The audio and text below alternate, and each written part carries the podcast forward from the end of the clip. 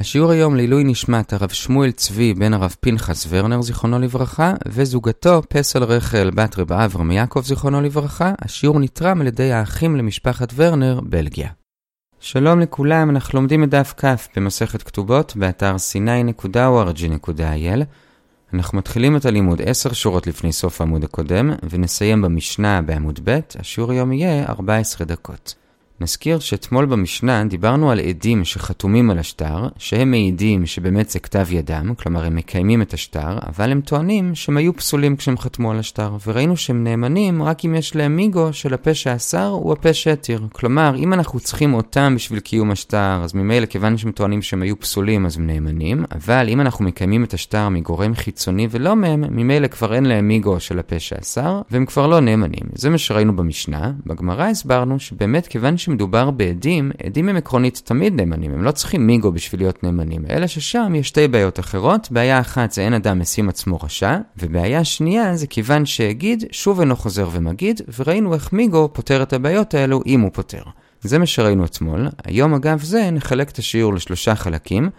בחלק הראשון נראה מקרה מאוד דומה למקרה במשנה, רק שהפעם לא מדובר בעדים שחתומים בשטר, אלא בעדים אחרים שבאים לקיים את השטר. בחלק השני, אגב מה שראינו, נראה איך אפשר לקיים שטר על ידי השוואה של החתימות שבו לשטר אחר, ובחלק השלישי נראה נושא אגבי שקשור לעדות ולשטרות.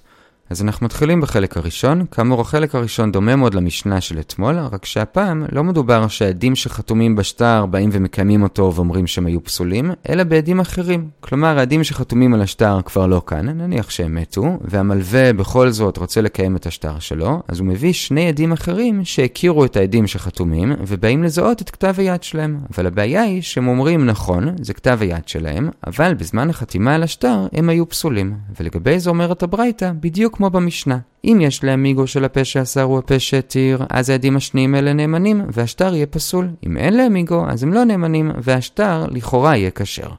זה מה שלכאורה כתוב בברייתא, ובמבט ראשון זה נשמע מאוד הגיוני, אם יש להם מיגום נאמנים, אם אין להם מיגום לא נאמנים, אבל זה לא נכון, כי הרי כמו שהקדמנו אתמול, עדים לא צריכים מיגו בשביל להיות נאמנים. יש גזירת הכתוב ששני עדים הם נאמנים, אז למה הברייתא אומרת שאם אין להם מיגו הם לא נאמנים? לכאורה אמורים להאמין להם, ולעשות מה שתמיד עושים כשיש סתירה בין שני זוגות של עדים, העדים החתומים על השטר מצד אחד, והעדים השניים מצד שני. מה עושים כשיש סתירה בין שני זוגות של עדים, שבמקרה כזה שתי עדויות מוכחשות וזה אמור להישאר ספק. אז למה כאן הברייתא אמרה שאם לעדים השניים אין מיגו, הם לא נאמנים, ולכאורה התכוונה שהשטר יישאר כשר? זאת השאלה של הגמרא, ועל זה עונה הגמרא שתי תשובות. תשובה אחת אומר רב ששת, שהכחשת עדים אפשר לעשות רק כששני עדים לפנינו, אבל כאן, כיוון שהעדים של השטר כבר לא לפנינו, אז העדים השניים לא יכולים להכחיש אותם, ולכן מקבלים את עדי השטר. זאת התשובה של רב ששת, הוא הניח שאי אפשר להכחיש עדים שלא בפניהם, כי גם אי אפשר להזים עדים שלא בפניהם, אבל אומר לו רב נחמן, מה פתאום, אפשר להכחיש עדים שלא בפניהם, ולכן מביאים תשובה שנייה. התשובה השנייה זה שבאמת השאלה של הגמרא היא נכונה לגמרי, ובאמת גם הברייתא התכוונה לזה. כלומר, כשהברייתא אמרה שאם לעדים השניים אין מיגו הם לא נאמנים, היא לא התכוונה שמתעלמים מהם לגמרי, אלא מתייחסים אליהם כמו עדים מכחישים, וממילא השטר הזה נשאר בספק, כמו בעדות מוכחשת, ואי אפשר להשתמש בו, או כי ממונה בחזקת מראי, והמלווה או הקונה לא יוכלו להשתמש בשטר. ויוצא לפי זה שכשהברייתא אמרה שיש הבדל אם לעדים השניים יש מיגו או אין מיגו, היא התכוונה כך, אם יש להם מיגו אז הם נאמנים לגמרי, והם פוסלים את השטר לחלוטין וקוראים אותו, כי הרי כל הקיום של השטר תלוי בהם, והם הרי פוסלים אותו. אם אין להם מיגו, אז הם רק מכחישים את העדים הראשונים, וממילא השטר נכנס למצב של ספק, אי אפשר להוציא בו ממון, אבל גם לא קוראים אותו, ואם בכל זאת המלווה יתפוס בכוח ממון מהלווה, לא נוכל להוציא את זה גם ממנו, כי כאמור, או כי ממונה בחזקת מראי. בזה הגענו לאמצע עמוד א', ועד כאן החלק הראשון. החלק השני, הזכרנו גם אתמול וגם היום בקצרה, שיש שלושה דרכים לקיים שטר בשביל לוודא שהוא לא מזויף. דרך אחת הכי טובה זה למצוא את העדים שחתומים על השטר, ושהם יעידו שזה כתב היד שלהם ושזה לא מזויף. אם אין את האפשרות הזאת, אז אפשרות אחת זה להביא שני עדים אחרים, כמו שראינו עכשיו, שיעידו שהם מכירים את כתב היד של העדים שחתומים וזה באמת כתב היד שלהם. אפשרות נוספת זה למצוא שטר אחר שאותם עדים חתומים עליו ולהשוות בין החתימות, וכך לראות שהחתימות לא מזויפות. עכשיו, לגבי האפשרות האחרונה שאמרנו, הגמרא מדגישה שאותו שטר שאליו אנחנו משווים, אנחנו צריכים לוודא שגם הוא לא מזויף. איך עושים את זה? אז בגמרא יש שתי שיטות. שיטה אחת בברייתא ושיטה נוספת באמוראים. השיטה הראשונה שמוזכרת בברייתא זה להשוות לשטר כזה שכבר קוים בבית דין. כך אפשר לוודא שאותו שטר שאליו אנחנו משווים הוא עצמו לא מזויף. עכשיו רק נעיר בסוגריים, הברייתא לא רק אומרת שהוא שטר כזה שקוים בבית דין, אלא היא גם מוסיפה שהוא שטר שיצא עליו ערער ואז הוא קוים בבית דין. כלומר שהלווה טען שהוא מזויף ואז המלווה הוכיח שהוא לא מזויף כי הוא קיים אותו בבית דין. עכשיו הראש אומר שזה לא שחייבים שיצא עליו ערער ואז הוא קוים, אלא באמת מספיק שהוא קוים גם בלי שטענו שהוא מזויף, מקיימים רק שהלווה טוען שהוא מזויף. זה לפי הראש, יש ראשונים שחולקים. בכל אופן, זאת שיטה אחת לקיים את השטר, להשוות אותו לשטר אחר שכבר מקוים. שיטה שנייה זה של נהר דאי, הם אומרים שאפשר להשוות גם לשטר לא מקוים, אבל יש לזה שלושה תנאים. תנאי אחד זה שצריך להשוות לא לשטר אחד, אלא לפחות לשני שטרות נוספים שאותם עדים חתומים עליהם. תנאי שני זה שהשטרות שלהם אנחנו משווים, הם שטרות כאלו שלא יצא עליהם שום ערעור שלוש שנים, כלומר למשל איזה שטר מכר שנעשה לפני שלוש שנים והקונה יושב שם כבר שלוש שנים ואף אחד לא ערער על זה שהוא יושב שם. ותנאי שלישי מוסיף רב שימי בראשי שאותם שני שטרות לא היו במקרה תחת יד המלווה מהסיפור של השטר שכרגע אנחנו מנסים לקיים. כי אם שני השטרות הנוספים גם היו אצלו, אז הוא פשוט יכל להסתכל עליהם ולהעתיק מהם וכך לזייף. אלא צריך שאותם שני שטרות היו אצל אנשים אחרים מסיפורים אחרים לגמרי, והבייטין הוא זה שהשיג אותם, וכך אפשר לדעת כמעט בוודאות שהמלווה מהסיפור שלנו לא הסתכל עליהם וזייף מתוכם את החתימה. אלה שלושת התנאים בשביל לקיים את השטר שלנו על ידי השוואה של החתימות שבו לשטר אחר. שוב, צריך לפחות שני שטרות אחרים שהיו ג' שנים שלא היה עליהם ערעור, ושהשטרות האחרים לא היו תחת המלווה מהסיפור שלנו, אלא הבית השיג אותם. בזה הגענו לתשע שורות לפני סוף עמוד א', ועד כאן החלק השני לגבי קיום שטר על ידי גורם חיצוני. החלק השלישי לא קשור ישירות לקיום שטרות, אבל כיוון שבקיום שטרות אנחנו בעצם מבקשים מעדים להיזכר במשהו שהם חתמו עליו לפני כמה וכמה שנים, אז אגב זה הגמרא מביאה עוד דיון, וזה לגבי עד ששוכח את מה שהוא ראה, והוא מזכיר לעצמו על ידי איזשהו אמצעי. במה מדובר? אז נראה שלושה אמצעים כאלה, אחד בברייתא, ואחרי זה עוד שתי הרחבות באמוראים.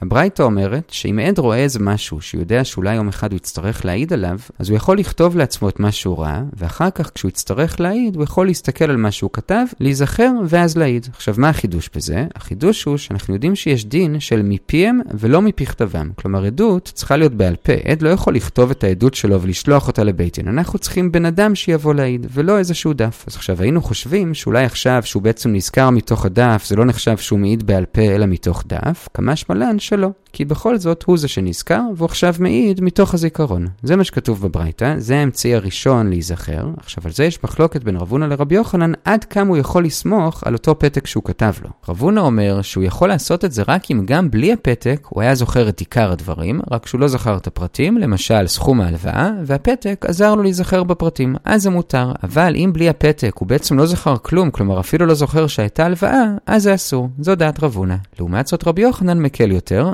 וגם אם בלי הפתק הוא בכלל היה זוכר את עצם ההלוואה, בכל זאת, כיוון שעם הפתק הוא כן זוכר, הוא יכול להעיד. עכשיו, גם רבי יוחנן מודה שבכל זאת אנחנו צריכים שאחרי שיש לו את הפתק, שזה יעזור לו להיזכר באירוע. כלומר, זה לא מספיק שהוא סומך על זה שהוא פעם כתב את זה בפתק. הוא צריך שבעזרת הפתק, פתאום הוא נזכר, ואז הוא בעצם מעיד מתוך הזיכרון. אבל אם גם בעזרת הפתק הוא עדיין לא זוכר כלום והוא רק סומך על הפתק, אז גם לרבי יוחנן זה כבר לא טוב, כי זה כבר נחשב עדות בכתב ולא עדות בעל פה.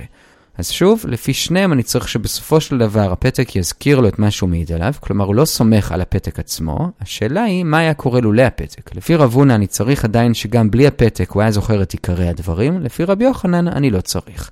עד כאן המחלוקת, וזה כאמור אחד מהאמצעים שיכולים להזכיר לעד את העדות שלו. עכשיו הגמרא מביאה הרחבות לזה, ומביאה עוד שני אמצעים שיכולים להזכיר לו את העדות שלו. דבר אחד אומר רבא, זה שהוא יכול גם להיזכר על ידי העד השני. הגמרא אומרת את זה דווקא לרבי יוחנן, לא ברור לי למה, אני אשמח אם מישהו יוכל להעיר על זה בהערות באתר. אמצעי נוסף, או הרחבה נוספת, זה שהגמרא שואלת, מה לגבי המלווה עצמו, כלומר בעל הדין, האם הוא יכול להזכיר לעד את מה שהוא ראה? כמובן בהנחה שהעד בסופו של דבר ייזכר באמת ויעיד עדות אמיתית. אז רב חביב חביבה אומר שגם את זה אפשר, מר ברבשי אומר שזה כבר מוגזם. כי אנחנו חוששים שהמלווה איכשהו יתמרן אותו כך שהוא ייזכר ואולי גם ישנה את הפרטים קצת, למשל את הסכום, וזה לא יהיה עדות אמיתית. אז שוב, רב חביבה אומר שגם המלווה יכול להזכיר לעד את הפרטים, ואם העד נזכר הוא יכול להעיד, מר ברבשי אומר שלא. להלכה אומרת הגמרא עושים פשרה ביניהם, באופן כללי לא, אבל אם העד הוא תלמיד חכם, אנחנו סומכים עליו שהוא לא יעיד, אלא אם כן הוא בטוח שהוא באמת בסופו של דבר נזכר, אז הוא יכול, אפילו אם מי שהזכיר לו זה המלווה, כמו שהגמרא באמת מספרת סיפור שרב כהנא הזכיר לרב אשי על איזושהי הלוואה, ורב אשי העיד אחרי שהוא באמת נזכר במה שרב כהנא ניסה להזכיר לו. עד כאן השלב הראשון של החלק השלישי של השיעור. שוב אמרנו שעד יכול להיזכר בעדות מתוך כתב, ראינו מחלוקת עד כמה, ובעזרת העד השני, ואפילו אולי בעזרת הלווה עצמו. השלב השני של החלק השלישי של השיעור מובא אגב השלב הראשון, וזה כיוון שהזכרנו עכשיו בשלב הראשון עדים ששוכחים את העדות, אלא אם כן יש להם דף להזכיר להם, הגמרא מביאה את רב חיסטה, שרוצה לתת הגבלה של שנים עד כמה אפשר לסמוך על עד כשהוא טוען שהוא זוכר עדות, וזה לפי רב חיסטה עד 60 שנה. מעבר ל-60 שנה כבר לא סביר שאדם יזכור את מה שהוא ראה ויוכל להעיד על זה. מאיפה רב חיסטה לומד את זה? מזכירת מקום טומאה. כלומר, לפי רבי מאיר באוהלות, עוד רגע נפרט יותר מזה, אם יש תל שהוא שהוא רחוק מבית קברות, או רחוק מדרך שמובילה לבית קברות, ולא זוכרים שקברו שם אנשים, אז אם זה תל חדש, כלומר 160 שנה האחרונות, אז העובדה שלא זוכרים שקברו שם, זה באמת ראייה שלא קברו שם. כי אם היו קוברים, היינו זוכרים. אבל אם זה תל ישן יותר מ-60 שנה, אז העובדה שלא זוכרים, זה כבר לא ראייה. כי יכול להיות שזה היה ושכחנו. כי אחרי 60 שנה כבר אפשר לשכוח. זה בטומאה לפי רבי מאיר, וכאמור, רב חיסטה רוצה ללמוד מזה גם לגבי עדות, שגם עדות היא יכולה להעיד על משהו רק עד 60 שנה. אבל יותר ישן מזה, אנחנו חוששים שמא העד כבר שכח על מה הוא מעיד. זאת הטענה של רב חיסטה. אבל דוחה הגמרא, לא. אי אפשר ללמוד משם. למה? אז נסביר את זה לפי הבח בחושן משפט, שהוא אומר שיש הבדל בין עדות שלילית לעדות חיובית. במקרה של בית הקברות, הרי שם אנחנו לא מחפשים מישהו שיעיד שכן קברו שם, אלא להפך, האנשים שם אומרים שלא קברו שם בתל, ואנחנו סומכים עליהם עד 60 שנה. אבל יותר מ-60 שנה אולי באמת כן קברו, והם פשוט שכחו. זה עדות שלילית עד 60 שנה. אבל כשעד בא ומעיד לנו משהו שהוא כן ראה, כלומר עדות חיובית, כאן הרי הוא ראה את זה, הוא זוכר שהוא ראה את זה, כלומר זה לא משהו שהוא אומר אני לא ראיתי, ואז אולי הוא כן ראה ושכח, אלא זה משהו שהוא אומר אני כן ראיתי. דבר כזה לא סביר שהוא ידמיין, אפילו שעברו יותר מ-60 שנה, ולכן בעדות על משהו חיובי, אולי נסמוך עליו גם יותר מ-60 שנה. ולכן הגמרא דוחה את הראייה של רב חיסטה, ואפשר לקבל עדות על משהו גם אחרי 60 שנה. עד כאן עיקר השלב השני, עכשיו רק בשביל להשלים את התמונה נפרט קצת יותר לגבי הראייה של הרב חיסטה, וזה שיש משנה בעולות שנסביר אותה לפי הגמרא שלנו, והיא אומרת כך: יש חשש שמתישהו בעבר קברו אנשים גם בתל, כלומר הרמת עפר שהיא לא בבית קברות, ולא ציינו שזה קבר, ולכן צריך לחשוש שם ולא להביא לשם טהרות, ושכהנים לא ילכו לשם. עכשיו, באיזה תל חוששים ובאיזה לא? אז בתל ישן תמיד חוששים, כי יכול להיות שקברו שם וכבר שכחו, עוד מעט נראה מה הכוונה ישן. בתל חדש, כאן יש פחות חשש, כי אם היו קוברים שם קבורה מסודרת, אז היינו זוכרים את זה, אבל עדיין יש בכל זאת חשש שקברו שם, ואף אחד לא ידע. למה? אז כאן יש שני מצבים. מצב אחד זה סמוך לדרך, מצב שני זה סמוך לעיר.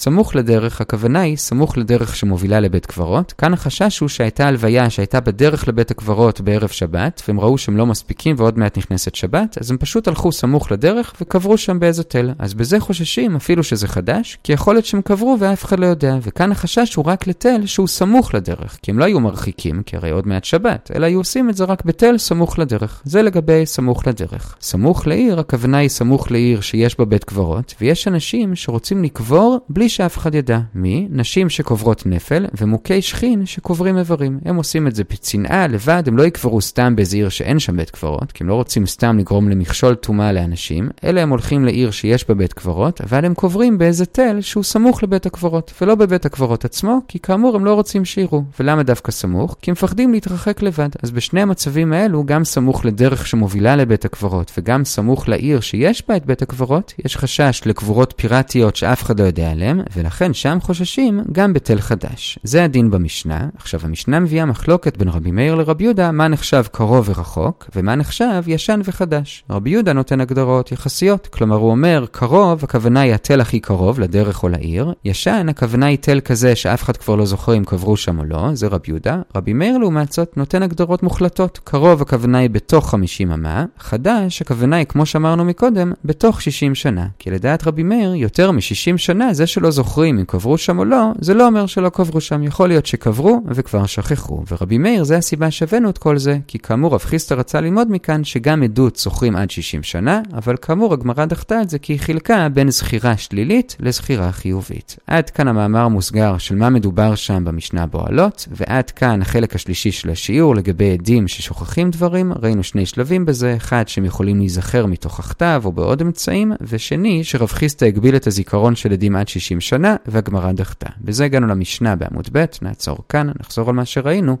חילקנו את השיעור לשלושה חלקים. בחלק הראשון המשכנו את מה שראינו אתמול, ששני עדים אומרים שהעדים שחתומים בשטר הם לא מזויפים, אבל הם היו עדים פסולים, רק שבניגוד לאתמול, שמי שאמר את זה זה העדים עצמם שחתומים בשטר, הפעם העדים עצמם כבר מתו, ובאו עדים חיצוניים ואמרו את זה, ועל זה אמרה הברייתא שאם יש להם מיגום נאמנים לפסול את השטר, ואם אין להם הם לא נאמנים. ועל זה שאלנו למה הם לא נאמנים, הרי לכאורה זה אמור להיות כמו עדות מוכחשת, והשטר אמור להיות ספק ואי אפשר להשתמש בו. על זה ענתה הגמרא שתי תשובות. תשובה אחת, אפשר שלא בפניהם, לכן אפילו להכחיש אותם הם לא נאמנים, אבל את זה הגמרא דחתה כי כן אפשר להכחיש שלא בפניהם, לכן תשובה שנייה זה שבאמת לזה הברייתא התכוונה. שבאמת אם אין להם מיגו אז הם לא יכולים לפסול את השטר לגמרי, אבל הם כן גורמים לו להיחשב כעדות מוכחשת, וממילא זה ספק ואי אפשר להוציא איתו ממון, אבל גם לא קוראים אותו. זה היה בחלק הראשון. בחלק השני, אגב החלק הראשון ואגב אתמול, אמרנו שאחת השיטות לקיים שטר זה להשוות אותו לשטר אחר שבו יש את אותם עדים ולראות שהחתימות באמת אותם חתימות, אבל אני צריך לדאוג לזה שהשטר שאליו אני משווה יהיה שטר כזה ששם ברור לנו שהחתימות לא מזויפות. איך עושים את זה? אז או שמדובר בשטר אחר שכבר קוים בבית דין, אם הוא לא קוים אז אפשר להשוות לשטר אחר רק אם יש שלושה תנאים. תנאי אחד זה שמשווים לפחות לשני שטרות אחרים עם אותם עדים, תנאי שני שמשווים למשל לשטר מכירה והקונה יושב בקרקע שלו שלוש שנים ואף אחד לא ערער על זה. ותנאי שלישי זה שהשטרות האלו שאליהם משווים לא היו תחת יד המלווה מהסיפור שלנו, כי אז אולי הוא ראה אותם ופשוט העתיק משם את החתימות, אלא היו אצל מישהו אחר והבייטין השיג את אותם שטרות. אלה שלושת התנאים בשביל לקיים שטר על ידי השוואה שלו לשטר אחר שהוא לא מקוים. זה היה בחלק השני. בחלק השלישי, ממש בדרך אגב, כיוון שהזכרנו את זה שעדים באים ומקיימים משהו שהם חתמו עליו לפני הרבה שנים לפעמים, אז הגמרא הביאה גם ברייתא על זה שעד יכול לכתוב לעצמו איזושהי עדות שהוא ראה, ואחרי הרבה שנים להיזכר מתוך הכתב במה שהוא ראה, ואז לבוא ולהעיד. יש מחלוקת אמוראים עד כמה הוא יכול לסמוך על הפתק, האם זה גם כשהוא לא זכר כלום לבד, או רק כשהוא זכר באופן כללי, רק לא את הפרטים. אגב, זה גם ראינו שהוא יכול גם להזכיר לעצמו על ידי העד השני, ויש גם דעה שהוא יכול להזכיר לעצמו על ידי המלווה עצמו, כלומר אבל פוסקים חכם שסומכים עליו שהוא יעיד רק אם הוא בטוח שהוא באמת זוכר את זה בסופו של דבר מעצמו, ולא רק ממה שבעל הדין אמר. זה לגבי זכירה על ידי כל מיני אמצעים.